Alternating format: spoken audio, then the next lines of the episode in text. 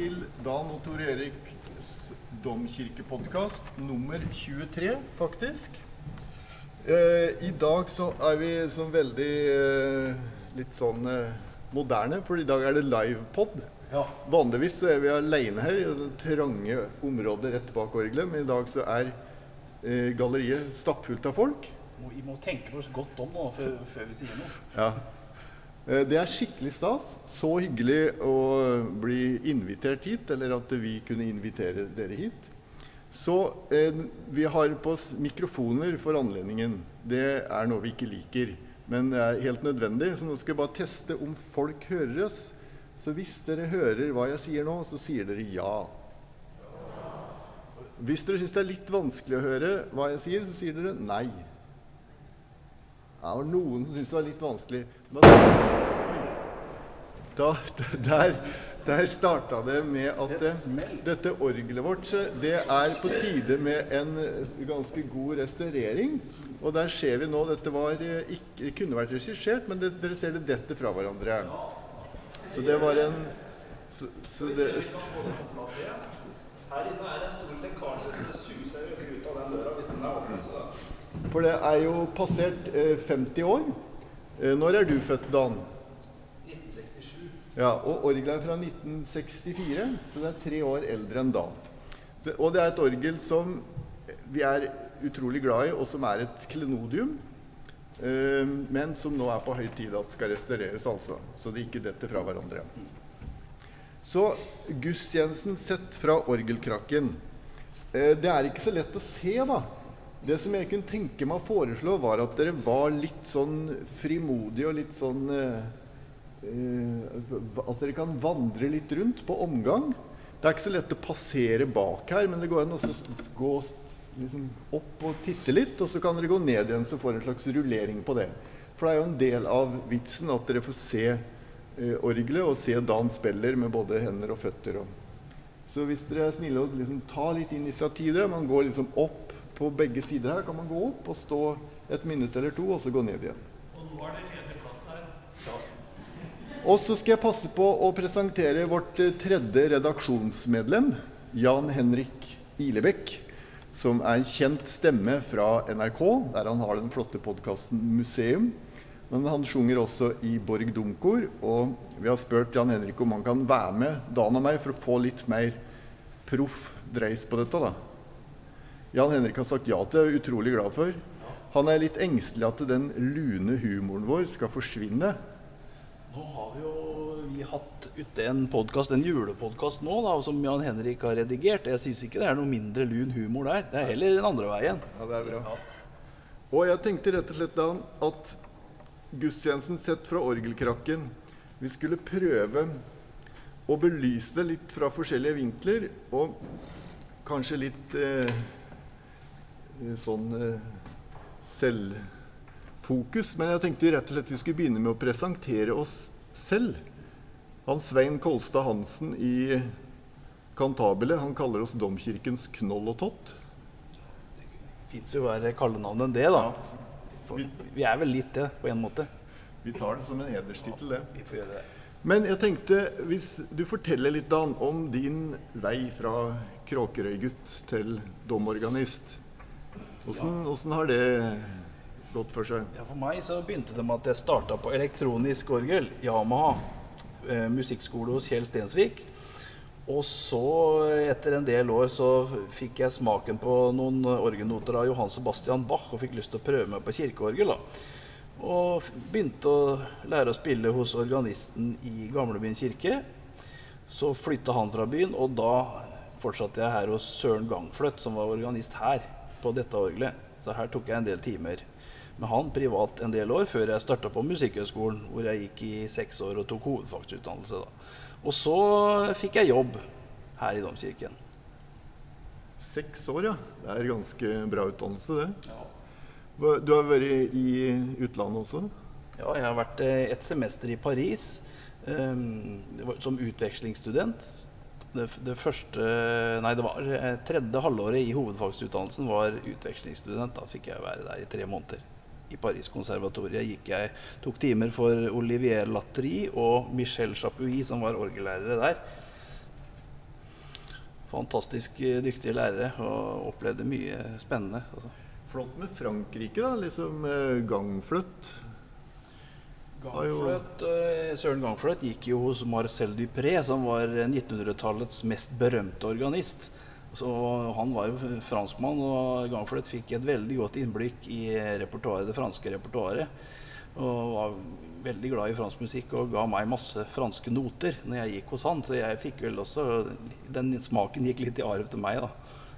Var det ikke også sånn når Gangfløt eh, eh, fikk bygd orgelet, at han var litt opptatt av det franske? Eh, det, han var i hvert fall opptatt av at han kunne spille fransk barokkmusikk på det. For at da trenger en en del eh, register, noen rørstemmer og noen sånn kornettregister og litt sånn intrikate ting. Og han var veldig nøye på at han skulle få med det i dette orgelet. Eller at det i hele tatt skulle være et sånt instrument hvor man kunne spille alle typer musikk. For I utgangspunktet så er det et mekanisk dansk orgel som er eh, mynta mye på barokkmusikk, men Gangfløt han ville liksom utvide det. Han ville ha et stort orgel hvor alt kunne, som alt kunne spilles på, da, med utbytte. Vi skal jo komme tilbake til det, men sånn fransk, da, så er det jo det derre svellverket. Kunne du bare vist det litt, eller? Dratt Ja. ut litt uh, guff i svellverket, og så svella litt opp og ned? Her er jo da den der tredje manualen hvor pipene sitter langt oppi orgelet.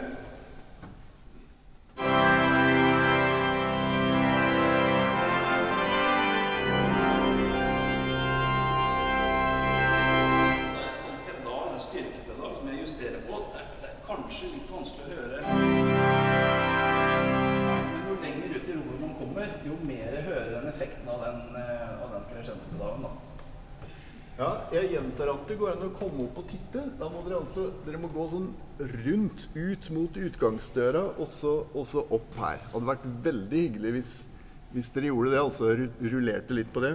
Da vil dere se den der pedalen som Dan snakker om. Eh, Jeg skal komme tilbake til dette. Det er masse pedaler der, men den som han snakker om nå, det er en sånn svellpedal, som er en slags crescendo, da. Åssen var det du fikk smaken på orgelet? Gikk du i kjerka på gudstjenester når du var liten, eller? Nei, jeg hadde en privat uh, undervisning. Jeg gikk uh, en lærer som uh, drev noteimport. Og han ga meg en del noter av Bachs orgelverker som jeg spilte på Yamaha-orgelet hjemme i stua. Og det, det låt jo ikke så bra, men jeg, jeg likte musikken veldig godt. Syntes det var utrolig spennende, og ville da teste det ut på kirkeorgel. Så sånn skjedde det. Ja. Jeg, jeg gikk, eller Familien min gikk i kjerka da jeg var eh, liten. Det vil si, faren min han eh, var også dansebandmusiker. Og veldig glad i generell fest. Vi hadde stor familie. Han likte liksom veldig godt at det var fest og moro til langt på natta. Men så var vi alltid i kjerka. Det var ikke like moro for meg alltid, men alltid i kjerka på formiddagen. Så det var sånn jeg kom litt i kontakt med det. Og så begynte jeg å studere i Trondheim, da. Og så jobba jeg i Bryn kirke i Bærum i noen år.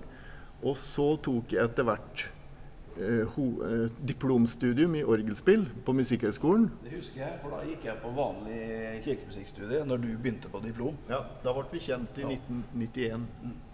Og så eh, deretter så Jeg var også litt interessert i kor, så deretter tok jeg hovedfag i korledelse.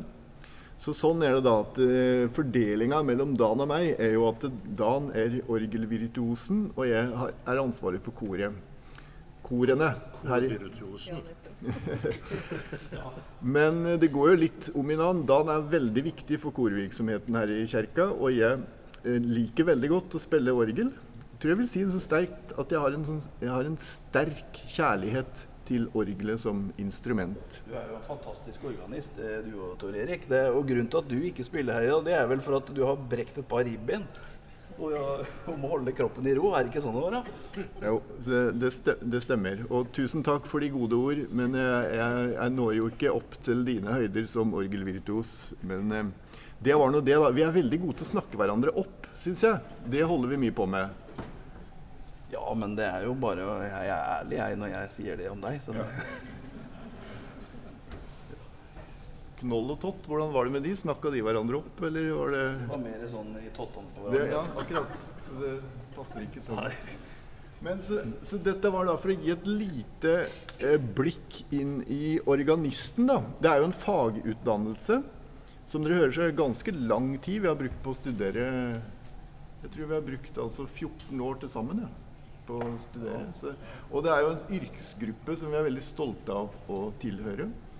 Organistyrket det er jo et problem med rekruttering av nye organister nå.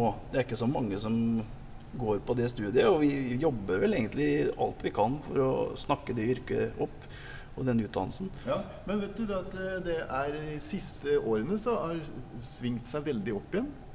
Så faktisk eh, på Musikkhøgskolen nå så var det to som var veldig godt kvalifiserte de ikke tok inn. De tok inn fem stykker, men det var i hvert fall to til som var kvalifisert.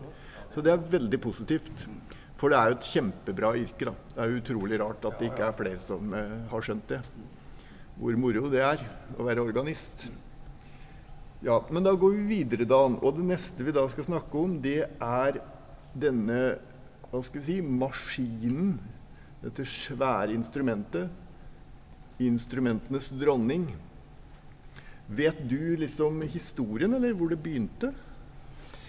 Med orgelet er jo, det er jo fra den eldste urtid, flere tusen år gammelt. Eh, de første orglene. Men det var jo veldig små instrumenter med en sånn fløyteaktig stemmeklang. Noe av det her, kanskje. da.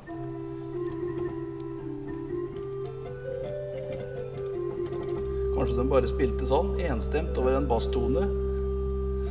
Det er, det er, jo ikke bevart noe notert musikk fra de tidligste tider, men eh, fra sånn rundt eh, ja, kanskje 1100-1200-tallet så har vi noen eksempler med musikk som kan ha vært spilt på orgel. da.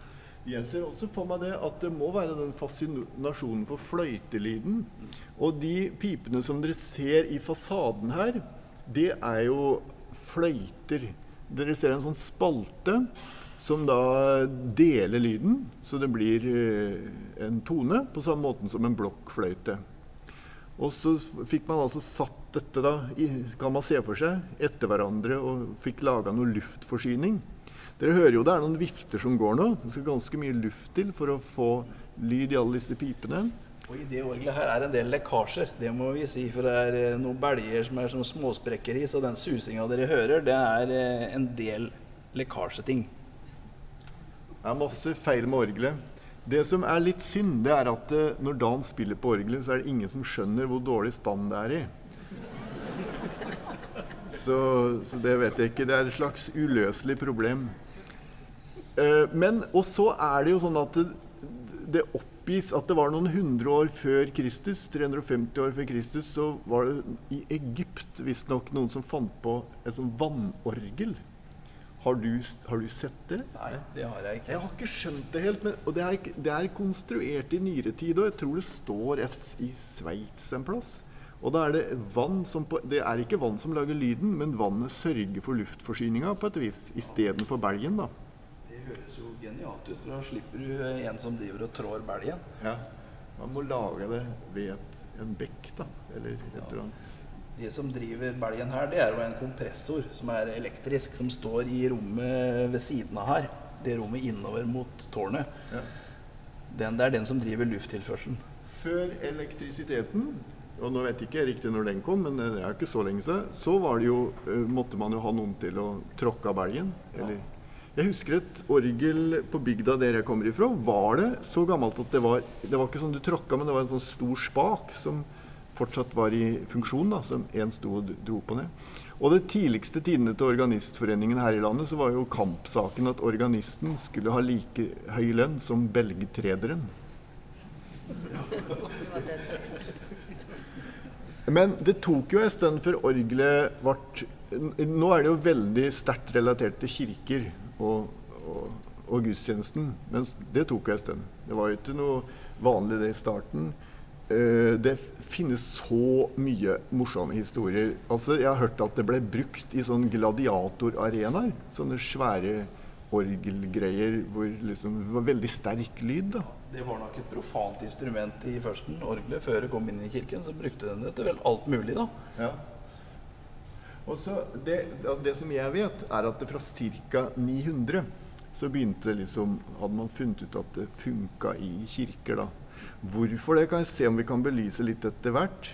Men sånn rundt 1400 så var det etablert var det mange kirker som hadde orgler.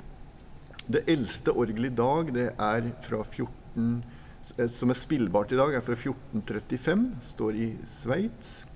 Men det, det er, altså dette er hvis man begynner å søke på, på Google det, så er det utrolig morsomt. Har du hørt om det der orgelet på Filippinene, da, som er bygd av bambus? Nei, det har jeg ikke. Ja, men Det er det altså, et orgel der. Og det ble bygd på 1800-tallet. Eh, og det ligger opptak av det på, på YouTube. Spiller Pachelbels kanon. Åssen låter det? da? Nei, det låter ve very sweet. Altså, Jeg gikk jo hos Guy Bouvet i Sveits, og han hadde, han har spilt på alle orgler. Han hadde spilt på det. It sounds very sweet. Var det sånn panfløyteaktig, kanskje? Ja, veldig panfløyte. Og Guy Bouvet da, han har også gitt ut ei plate med orgler fra Sør-Amerika. Der er det også masse orgler, barokkorgler som står i katedralene der. Ofte ubrukt, altså stått ubrukt i mange, mange år. Har ikke vært organist og har ikke vært Men han har liksom spilt der. Det er ei greie. Så er det kinoorgel. Har du spilt på det, da? Det har jeg ikke, men jeg har hørt på det, og det låter jo ganske annerledes enn kirkeorgel. Hvor er det hørt? Ja, på plate? Ja, både på plate og så nede i Berlin, i det store musikkinstrumentmuseet i Berlin, så er det jo et kult. gedigen kinoorgel hvor du har alle mulige effekter fra pauker og xylofon og håper å si kasseroller til eh, vanlige orgelstemmer, da. Og der holder de konserter innimellom, og det var veldig spesielt å høre på. Ja.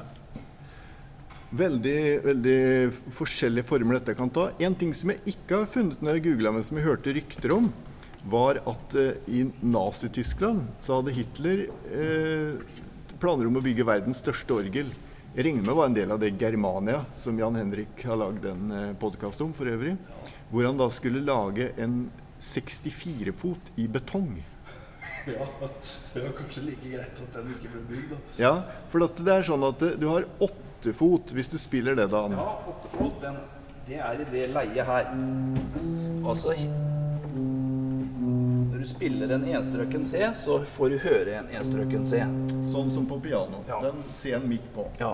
Så har du, hvis dere er her oppe nå, så dere ser, så ser dere Dan holder på med venstrehånda der og trekker ut forskjellige greier. Så har vi firefot, som det klinger oktaven over. Nå spiller jeg akkurat de samme tonene som i stad, bare at nå har jeg trukket en firefot, og Ja. den er oktaven over. Ja, og du, han spiller med føttene, da, hvis dere lurer på hva det er som skjer. Og så sånn kan du holde på da, så kan du spille en tofot. Ja, den er da enda en oktav over det igjen. Og så kan du holde på sånn oppover. Men så er det da nedover. Så er det da 16 fot. Og da begynner det å bli morsomt, for da er en oktav lenger ned. Her får vi de dype tonene, da. Dette er en, eh, den store C spilt på 16 fot. Og dette er de store pipene Nei, det er det ikke. Jo, det er det. Dette er de store pipene som dere ser. De svære pipene til Hvis dere som står på venstre side holder tak på den, den største pipa nå, så skal du dure i den. Det er den pipa der. Den helt ute til venstre. Og det er, en, det er en såkalt prinsipal. Dette skal jeg komme tilbake til. Men så er det også da 32 fot. Og det er oktaven under der. Vi har noe som heter 32 fot fagott i dette orgelet her. her. her. Vi ønsker oss en subbass som låter litt penere, men fagotten låter, låter sånn. Og nå er det så dype toner at det går ikke an å høre hvilke toner det er. Det er bare en sånn during. Men når du får den sammen med andre stemmer, så blir det litt, eh, da blir det litt stiligere når du får kledd Og hvis du da skulle hatt oktaven under der, da måtte du hatt en 64 fot i betong. en, en oktav under det. Og åssen det låter, det klarer ikke jeg å forestille meg, men eh, Jeg tror det var like greit at det ikke ble noe av det. Har du hørt en 64 fot noen gang? da? nei. Jeg tror ikke man kan høre det heller. Um, ja, og det jeg tenkte bare jeg skulle si, er også at eh, dette er jo, som jeg sa, et klenodium. eh, altså eh, Det er noe som nasjonen og Fredrikstad bør være stolt av. Et kjempeflott orgel, og stort. Men de kommer jo i alle slags fasonger. Nede i kjerka så står det jo et, et lite orgel, såkalt kisteorgel eller positiv, som også er et fullverdig instrument. Ja, det er bygd av Jan eller Ryde og Berg, som er orgelbyggeren som holder til på Krossnes i Fredrikstad. De bygde det instrumentet i 2001, tror jeg. Og det, det, det fyller rommet på en merkelig måte til å være så lite instrument. En av de flotteste orgelbyggerne vi har og har hatt her til lands. Kanskje du er her, Jan?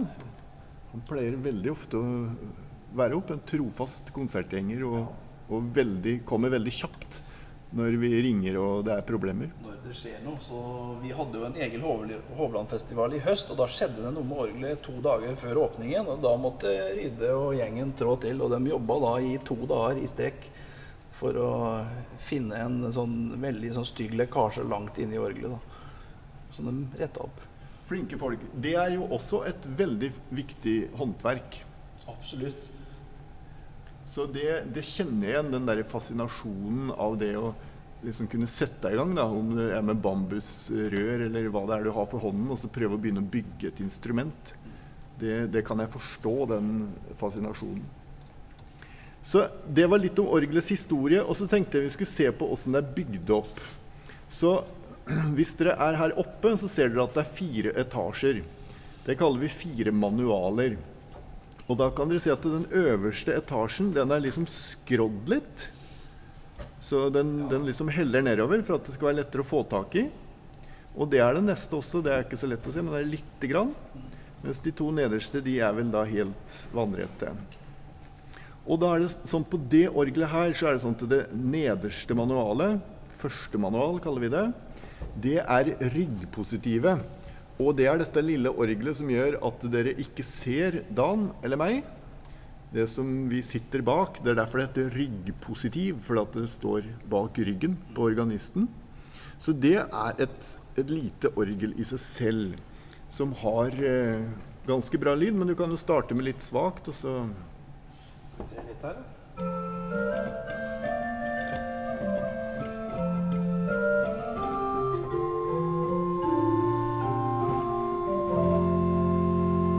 Den som, den som da spilte på nå, den heter kvintatøn, den, den stemmen. Og det er fordi at det er en sånn kvint. Dere vet kanskje at en tone er ikke bare en tone, men den har masse overtoner. Og det er liksom hvor sterke de er, som gjør at et en instrument får en egenart. Og den stemmen der, den har en sånn veldig egenart. Hvis du spiller litt på den alene, og så komper litt på svakt svelverk, da, er det mulig? Ja.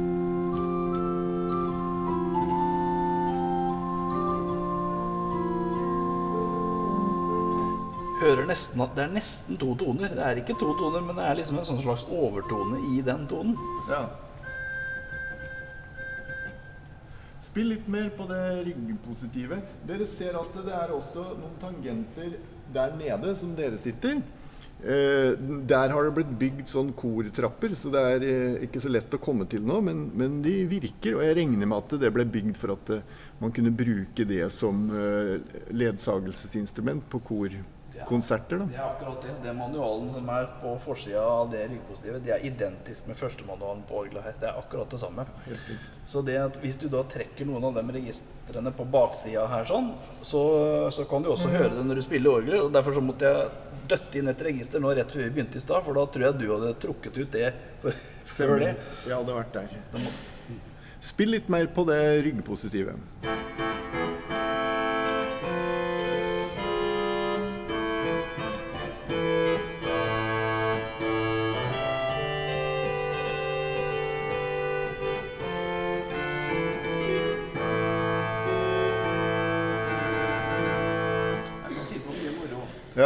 Og så kommer vi på andre manual. Det er det såkalt hovedverket.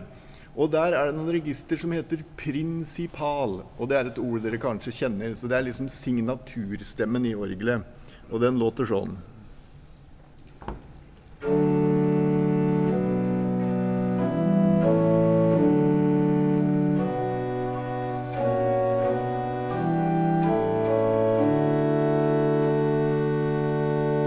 Og så lurer dere sikkert på den der som stikker ut der. Den kalles spansk trompet.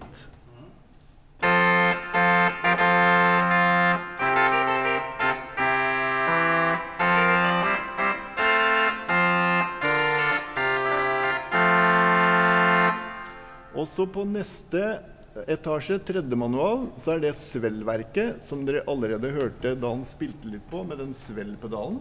Og det er da sånn at det er noen sånne luker, noen sjalusier, som lukker seg sånn at det høres ut som orgelet står i et annet rom, nesten. Og så åpner de, så kommer lyden nærmere. Kan du spille litt mer på det? Skal vi se, da gjør vi sånn. Nå er den helt igjen, den luka. Nå lukker jeg nå.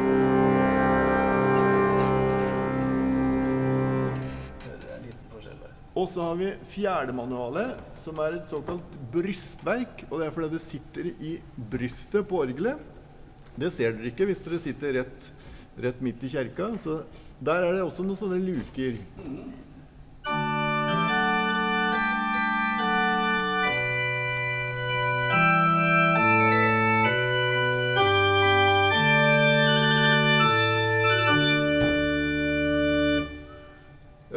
Der må man eh, Det er en- på grensen sånn HMS-messig. Ja. Men hvis du spiller litt sånn kort på full guff der, så du får det rett i trynet. Jeg tror, jeg tror man får hørselsskade hvis man holder på. for det, det stikker fælt, den der.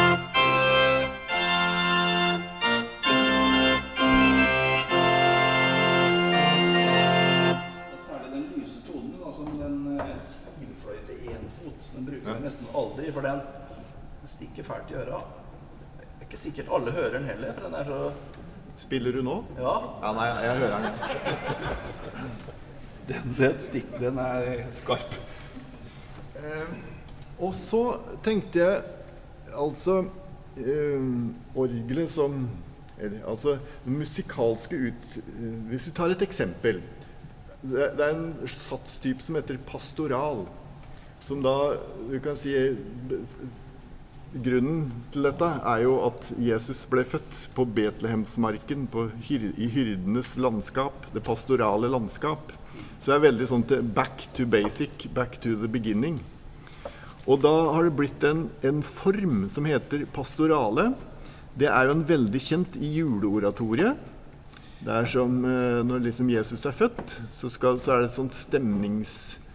Eh, ja, et, et orkesterstykke, da. Kan du spille litt av det, da? Det er veldig sånn lyrisk stemningsmusikk. Litt sånn fredfull. Du ser for deg julenatten og hyrden og litt sånn eh, Har en sånn vuggete rytme, egentlig. Skal vi se om noen kanskje kjenner igjen den her.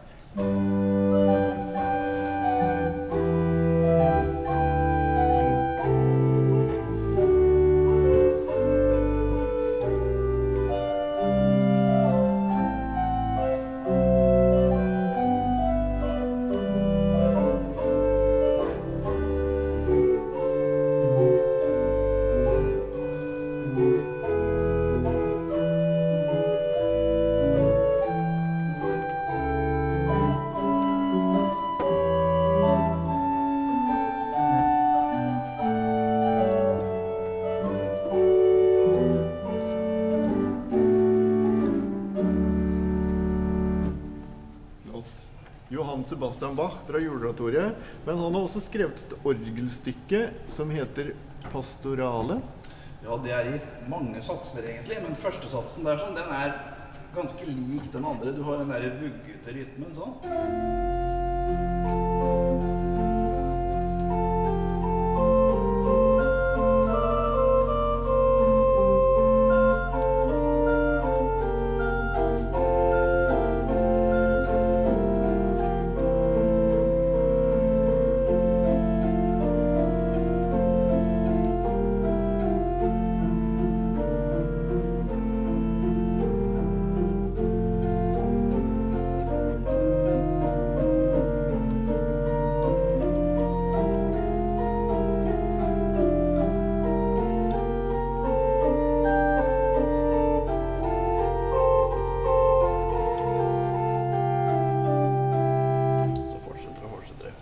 Så der spilte Dan på hovedverket, men nå ikke på eh, prinsipal, men på fløyte. Ja, hadde jeg to fløytestemmer. En sånn åttefot og en firefot. da. Så det er sånn fløyteklang. Og det, de pipene ligner veldig på de prinsipalpipene. De er bare litt grann annerledes i formen. Det er samme prinsippet, da. Så den derre vuggende rytmen du snakka om, Dan, det er jo litt, en litt sånn danseaktig, litt sånn valsaktig. Ja. Det er en egen sjanger i orgellitteraturen. Pastorale. Når det er pastorale, så er det alltid den der vuggende typen. Og så er det gjerne litt assosiasjoner til jula, da. Ja. Men hvis vi hopper til eh, romantikken og Cæsar Frank, har du den der, eller? Det har vi. Så har han også skrevet en pastorale. Men han har eh, gjort en liksom Han har gjort det litt annerledes. Ja. Han har da fått med seg den der, Han har med en sånn obo. Han da har tenkt seg en sånn skalmeierlyd. Sånn, et eller annet sånn hyrdeinstrument som han har eh, sett for seg her. Skal vi se om vi får på den. Har litt annen rytme.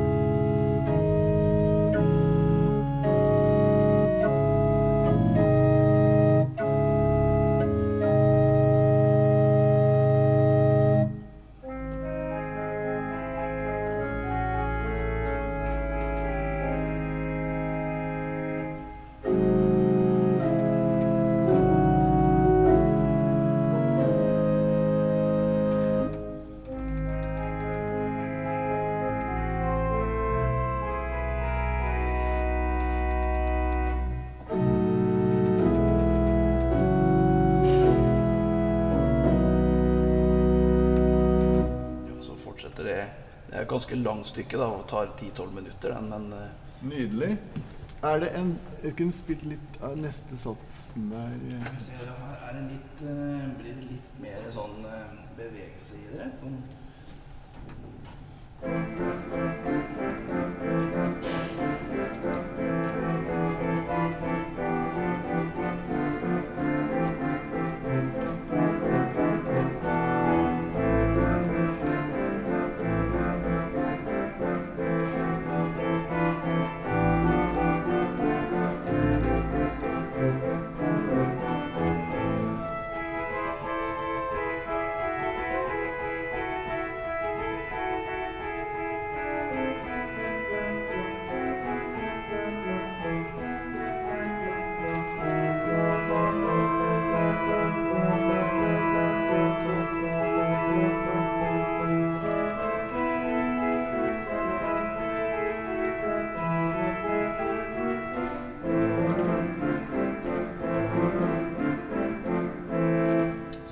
Det. Er den samme klangen. Det er den derre obostemmen.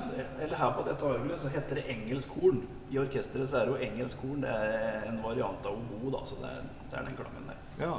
Så det er da den andre hovedtypen stemme, hvor lyden blir lagd ved at det er et, et, eh, et blad. Altså det er på samme måten som en, en, da, en obo lager lyden. Altså det er en sånn, et blad som vibrerer.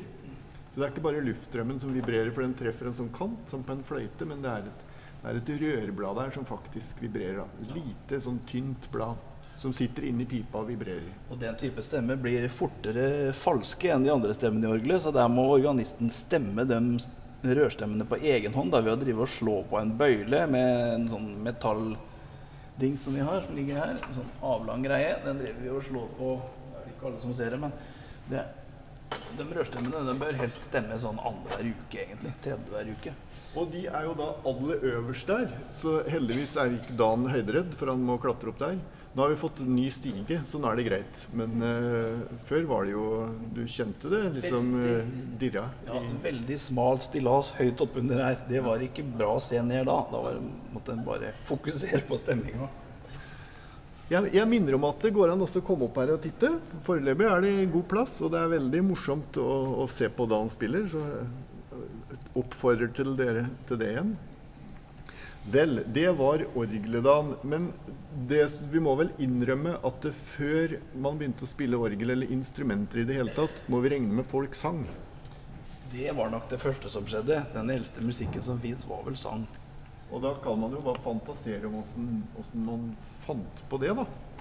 Dere kan jo prøve å tenke dere hvis dere er ute og går i fjellet eller et eller annet, og det kommer over dere at dere bare må synge. Så begynner man å synge liksom på en tone og skifte litt sånn. Og da er du ganske snart i området med gregoriansk sang. Som, eh, som utvikla seg der gjennom århundrene og ble litt mer orden på under en eller annen pave Gregor. De krangler om hvilken Gregor, men eh, det heter i hvert fall gregoriansk sang, sånn som vi kjenner det i dag. da. Jeg tenkte jeg skulle sjunge litt for dere. da. Veni redemptor gentium, ostende partum virginis, miretur omne seculum, talis decet partus deum. Også de som hørte det i stad, de får ikke gjette, da, men dere kan prøve å, å gjette hvilken hvilken salme dette har utviklet seg til å bli. Det er en slags evolusjon gjennom århundrene. Så det, den starter sånn Veni redemptor gentium. Er det noen som våger seg på en salme? Jeg kan gi dere et hint at det er en adventssalme. Ja, helt riktig. Folkefrelsar til oss kom Ble det etter hvert. Så hvis dere slår opp på nummer to, da må dere få dere en, dere få dere en salmebok. Hvis noen er snill å sende meg en salmebok òg.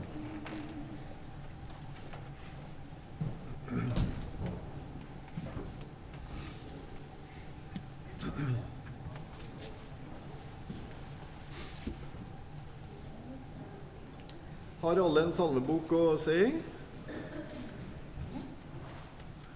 Hvis dere slår opp på nummer to, så ser dere at der står det at teksten er Ambrosius. Dette er litt mer sånn teologmateriale, men det er en uh, kirkefader som har skrevet teksten 397. Det er ganske langt tilbake. Og da må vi regne med at det, den melodien som jeg sang, at det kanskje var i nærheten av den. Og så ble det en sånn evolusjon hvor, eh, hvor da etter hvert ble litt orden på det. Og så står det at den der fra Einsiedelen Har du vært der, da? Nei, det har jeg ikke. Der er det fint. Altså, det er en svær katedral, og hvor det er en av de største og viktigste samlingene av, av gamle, gammel notasjon, manuskripter. Der og i St. Gallen i Sveits Eh, også et sånt stort sted. Jeg har vært der med filharmonisk kor og fremført Quattro Pezzi Sacri av eh, Verdi. Stor opplevelse, svær katedral. Og da var det også sånn at eh, i kjerka der eh, i løpet av dagen så var det munker som sang, og veldig vakkert. De er veldig berømt for liksom den flotte klangen, som sang da tidebønner. Så det er en levende tradisjon, har vært hele tiden. Så den, den, melodien da, den er oppgitt til eh, å være i det manuskriptet i Einsiden omkring 1120.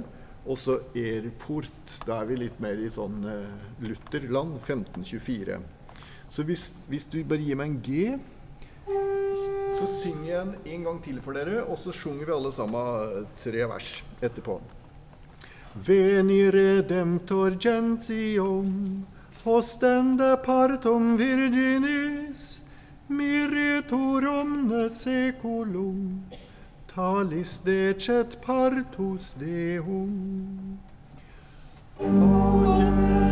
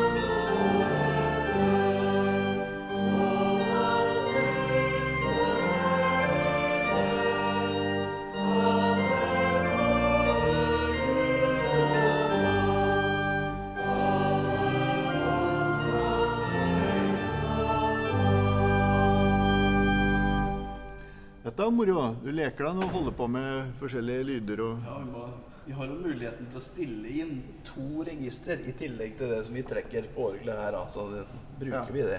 Så det vil si at du kan ha det hvis du viser det, hvis du spiller en akkord eller noe på Ja, nå er jeg på liksom på hovedgrunnstemmen. Jeg trekker det her. Og så har vi kombinasjon 1, som det heter. Trykker den bare ned én pedal. Kombinasjon 2, som vi ofte har mye på.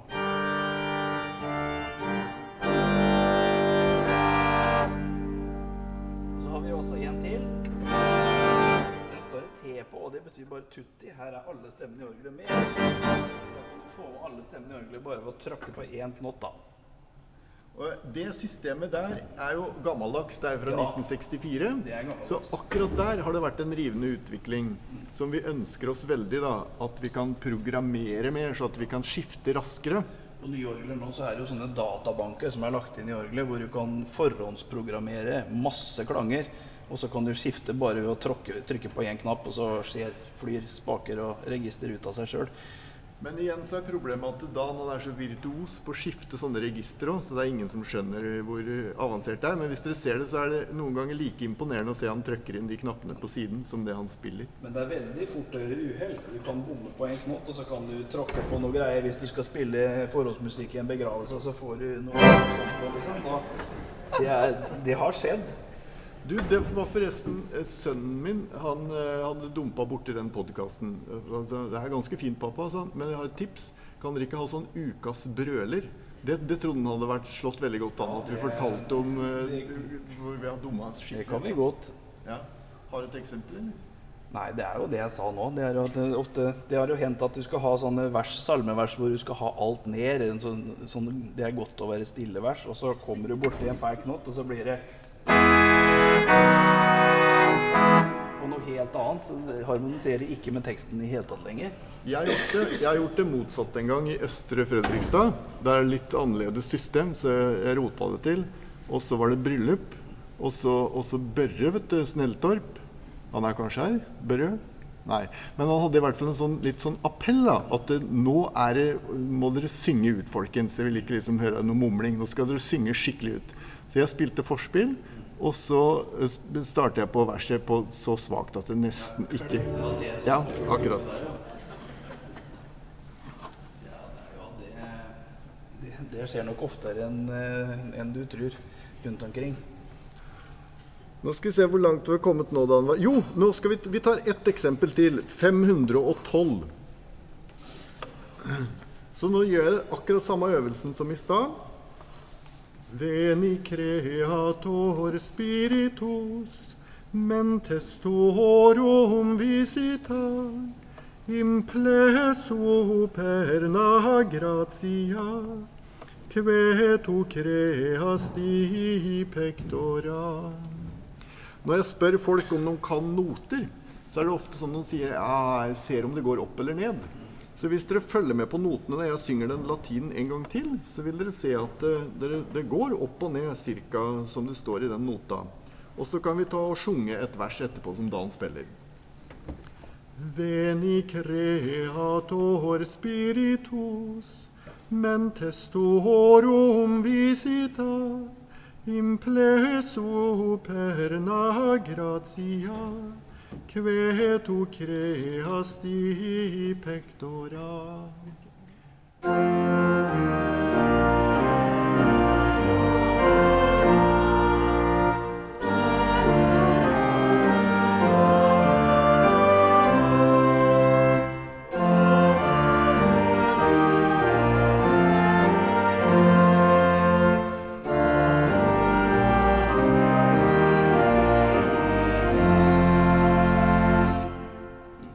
Og der ser dere på melodien, så står det eh, litt av hvert, men til slutt der står det Wittenberg 1533.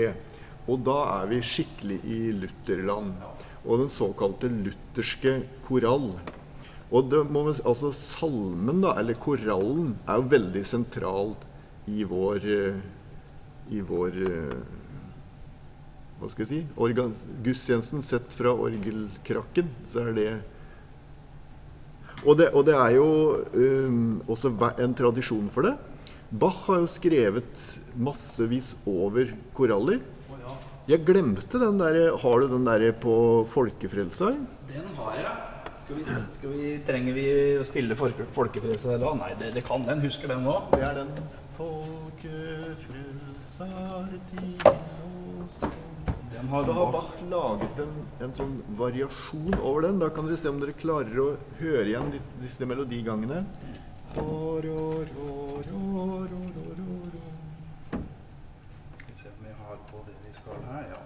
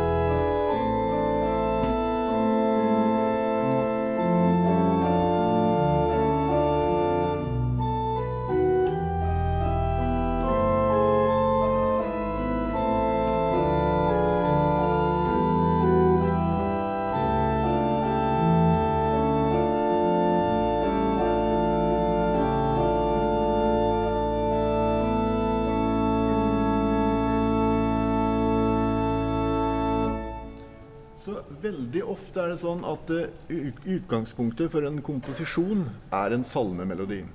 Det er jo en tradisjon som Egil Hovland har ført videre. Ja. Alle, mange av de store orkesterverkene også til Egil er bygget over koraller. Og veldig mye bruksmusikk og orgelmusikk og konsertmusikk for orgel har en eller annen salmemelodi eller en koralmelodi som utgangspunkt. Det kan være variasjoner over en salme, eller sånne korte orgelkoraller som vi hørte den av Bach her. Eller svære orgelsymfonier som er bygd over koraller. Det er for at folk skal ha noe å hekte det på, så liksom identifisere det i en, en kirkelig tradisjon. Ja. Og kanskje også som en slags komposisjonsteknikk. Ja. At det er lettere å komponere det, kanskje. Det vet du, for det, du komponerer jo en del, da. Det vet ikke folk, men det er fantastisk fine komposisjoner. Det skal vi snart høre. Men nå må fast forward litt. Vi har jo så mye morsomt stoff. Så nå hopper jeg rett og slett til eh, toccata. Altså, nå har vi snakka om, om, eh, om gudstjenesten, og det, uten tvil så er det sånn at eh, gudstjenesten, altså messen og tidebønnene, ikke minst de engelske tidebønnene, Evensong, har vært sånn inspirasjon til å skape fantastisk musikk. Så hvis dere er i England, så må dere for all del eh, gå innom en katedral sånn i firetida. Det er helt magisk bra nivå, og det skrives hele tiden ny musikk som er utrolig flott. England er vel det sted i verden hvor den der gamle kirkemusikktradisjonen med kor er, er holdt mest levende. Egentlig. Det er utrolig hva de får til med disse guttekora, bl.a. blant annet der nede. Men så i tillegg kan man vel si da at det starta etter hvert en sånn tradisjon med altså konserter. Altså Jeg har hørt at det var bukstehodet som starta sånn abendmusikk. Er det noe du kjenner til? Stemmer. I Mariakirken i Lübeck så starta han en konsertserie med kirkekonserter på, på kveldstid eller, sen ettermiddagstid. Eh, som var nyskapende for sin tid.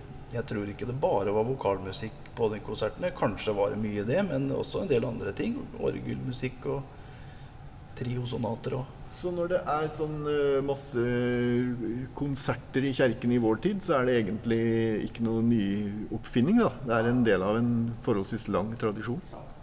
Og som er ganske typisk for vår kirke. Altså du finner det, Jeg tror ikke det er noen eh, moskeer eller synagoger hvor de har samme tradisjonen.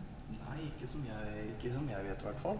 Jeg syns det er flott. Jeg er litt eh, sånn stolt av det at eh, den kristne, og kanskje særlig den lutherske kirka, har en sånn sterk konserttradisjon. Da. Og det henger jo kanskje litt med det som Vi har jo hatt vår biskop på besøk her, Atle Sommerfelt. Og han sa jo da at eh, ja, men det er jo sånn Gud holder på hele tiden. Holder på overalt. Eh, og, og det er jo liksom noe med det da, at det er eh, sånn litt det utvida gudstjenestebegrep, kan man si.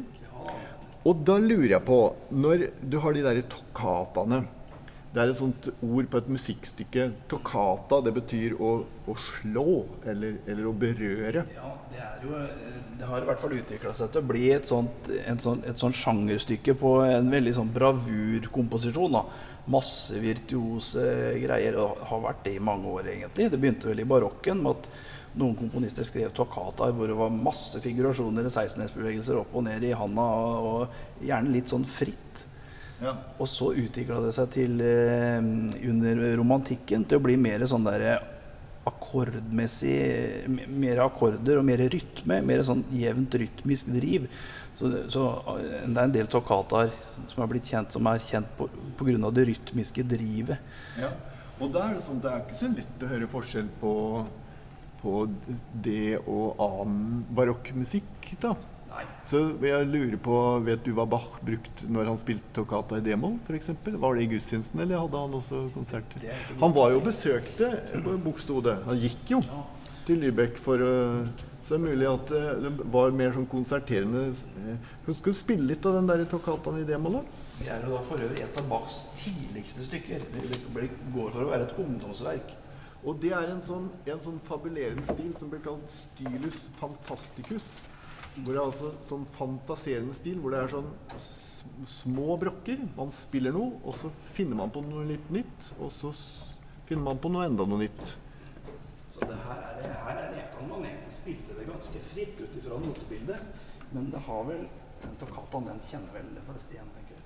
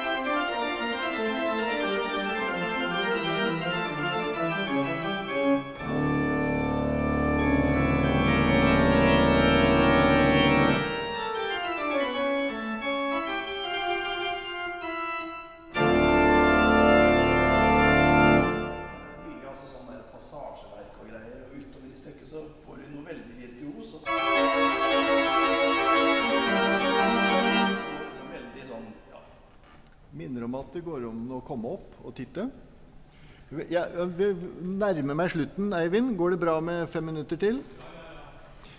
Eh, For du nevnte, Dan, at det, den formen toccata den uh, endra seg veldig når vi kom over i romantikken. Og da kan du si Paris, som vi har vært inne på, eller Frankrike, var jo veldig sentralt. Der var det en orgelbygger som het Cavaillacol, som begynte å bygge mye større, større og større orgler, og fikk liksom sånn symfoniske orgler. Svære instrumenter, gigantiske. Sånn som det orgelet her i domkirken, det blir pyttelite i forhold.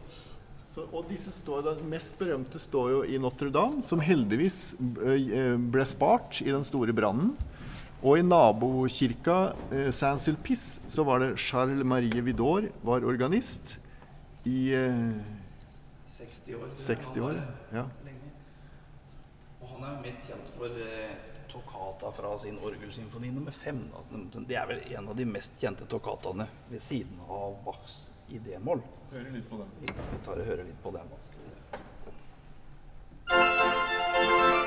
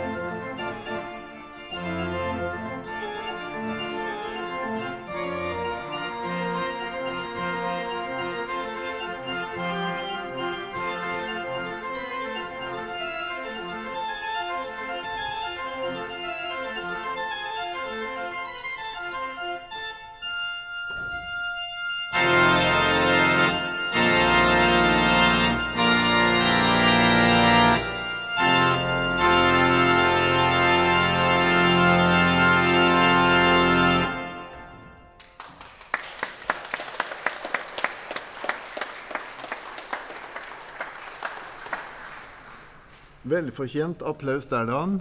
Det er jo fort gjort å få krampe det stykket der. Det det. Nå tok, nå tok jeg en forkorta versjon, da, men den holder vel på i seks minutter. Og det er fort gjort å få krampe, for det er den samme bevegelsen i høra hele veien. Har skjedd den beste, det, tror jeg. At man har eh, fått krampe i venstrehånda.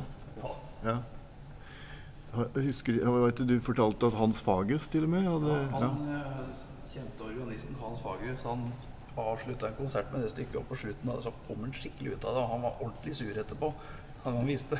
Det er trøsten for oss, eh, oss vanlige, at eh, de store gutta også kan gjøre feil en gang iblant. da.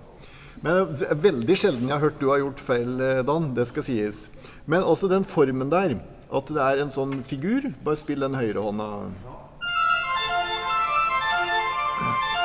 Sånn perpetuum mobile-aktig. Bare rusler og går. en sånn. Og så er det en sånn et, kombinasjon til det, en sakte melodi. Som her jo bare er en sånn trinnvis melodi. Men den har jo da eh, vært en inspirasjon til en rekke komposisjoner. Så Egil Hovland har jo skrevet to veldig berømte tokkataer over 'Nu la oss takke Gud' og 'Kjærlighet er lysets kilde'. Eh, De, de tenkte de hører dere så ofte, så de kan vi hoppe over nå. Og likedan en som du ofte spiller, er jo Iver Kleive sin. Som også samme lesten, kan du si.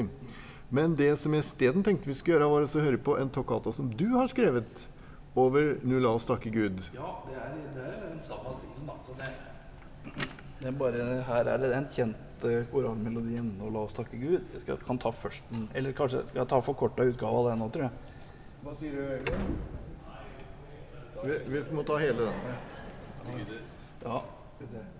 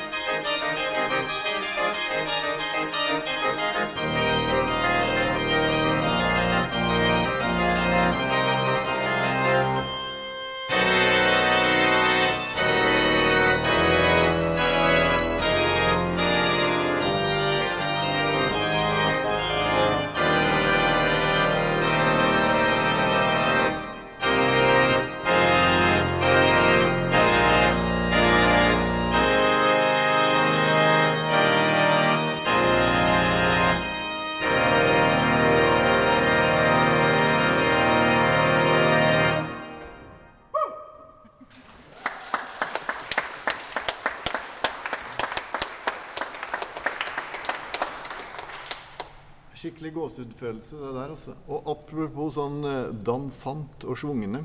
Jeg legger merke til når du begynner med den, så begynner liksom folk å sitte sånn Begynner liksom sånn å vugge sånn forsiktig. Det vet ikke du, men Jan Henrik og jeg ser det. Og så, og så begynner de å smile også.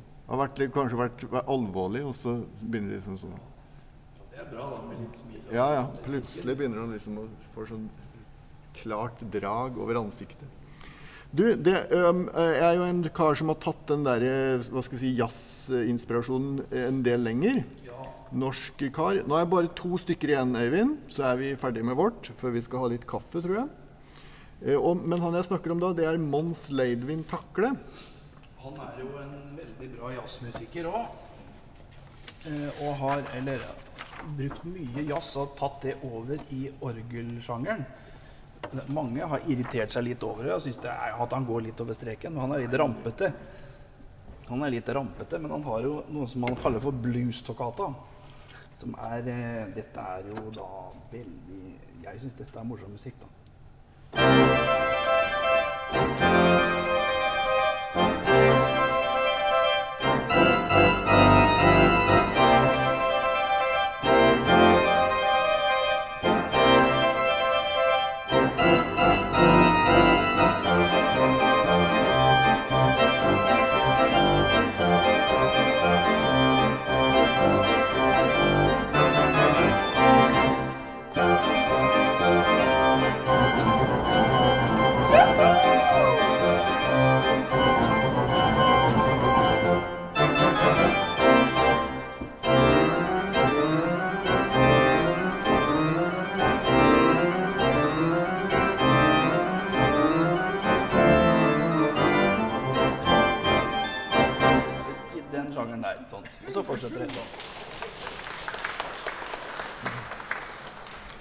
Tenkte vi skulle avslutte med fransk musikk igjen. Ja. han takke for oss med en av de store og nyskapende mesterne, nemlig Olivier Messiaen.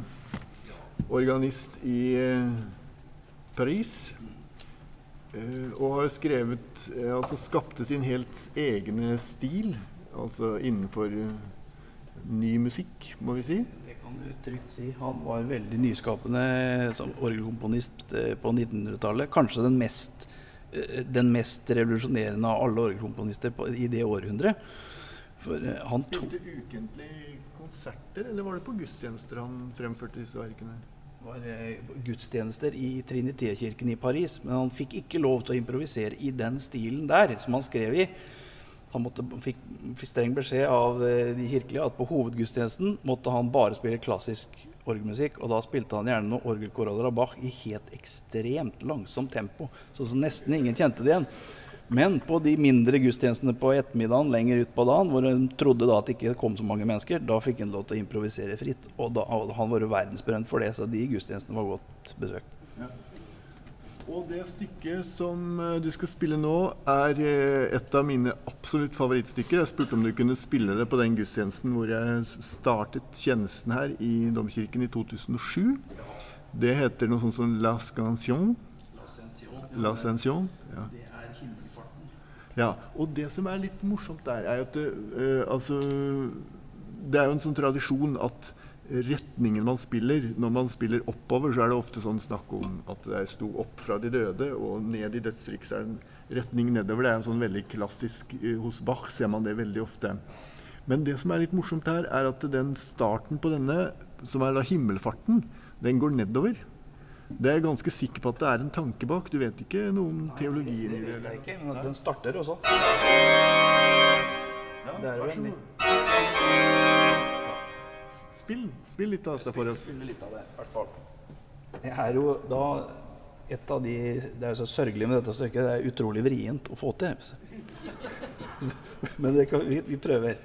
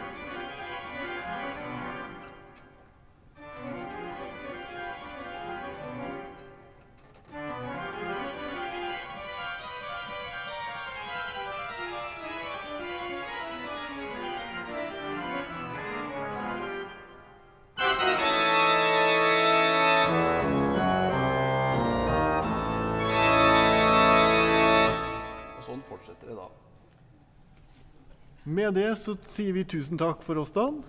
Utrolig morsomt at dere ville komme og høre på. Og nå tror jeg Øyvind skal ta ordet og, og fortelle litt om resten av kvelden. Tusen takk for oss.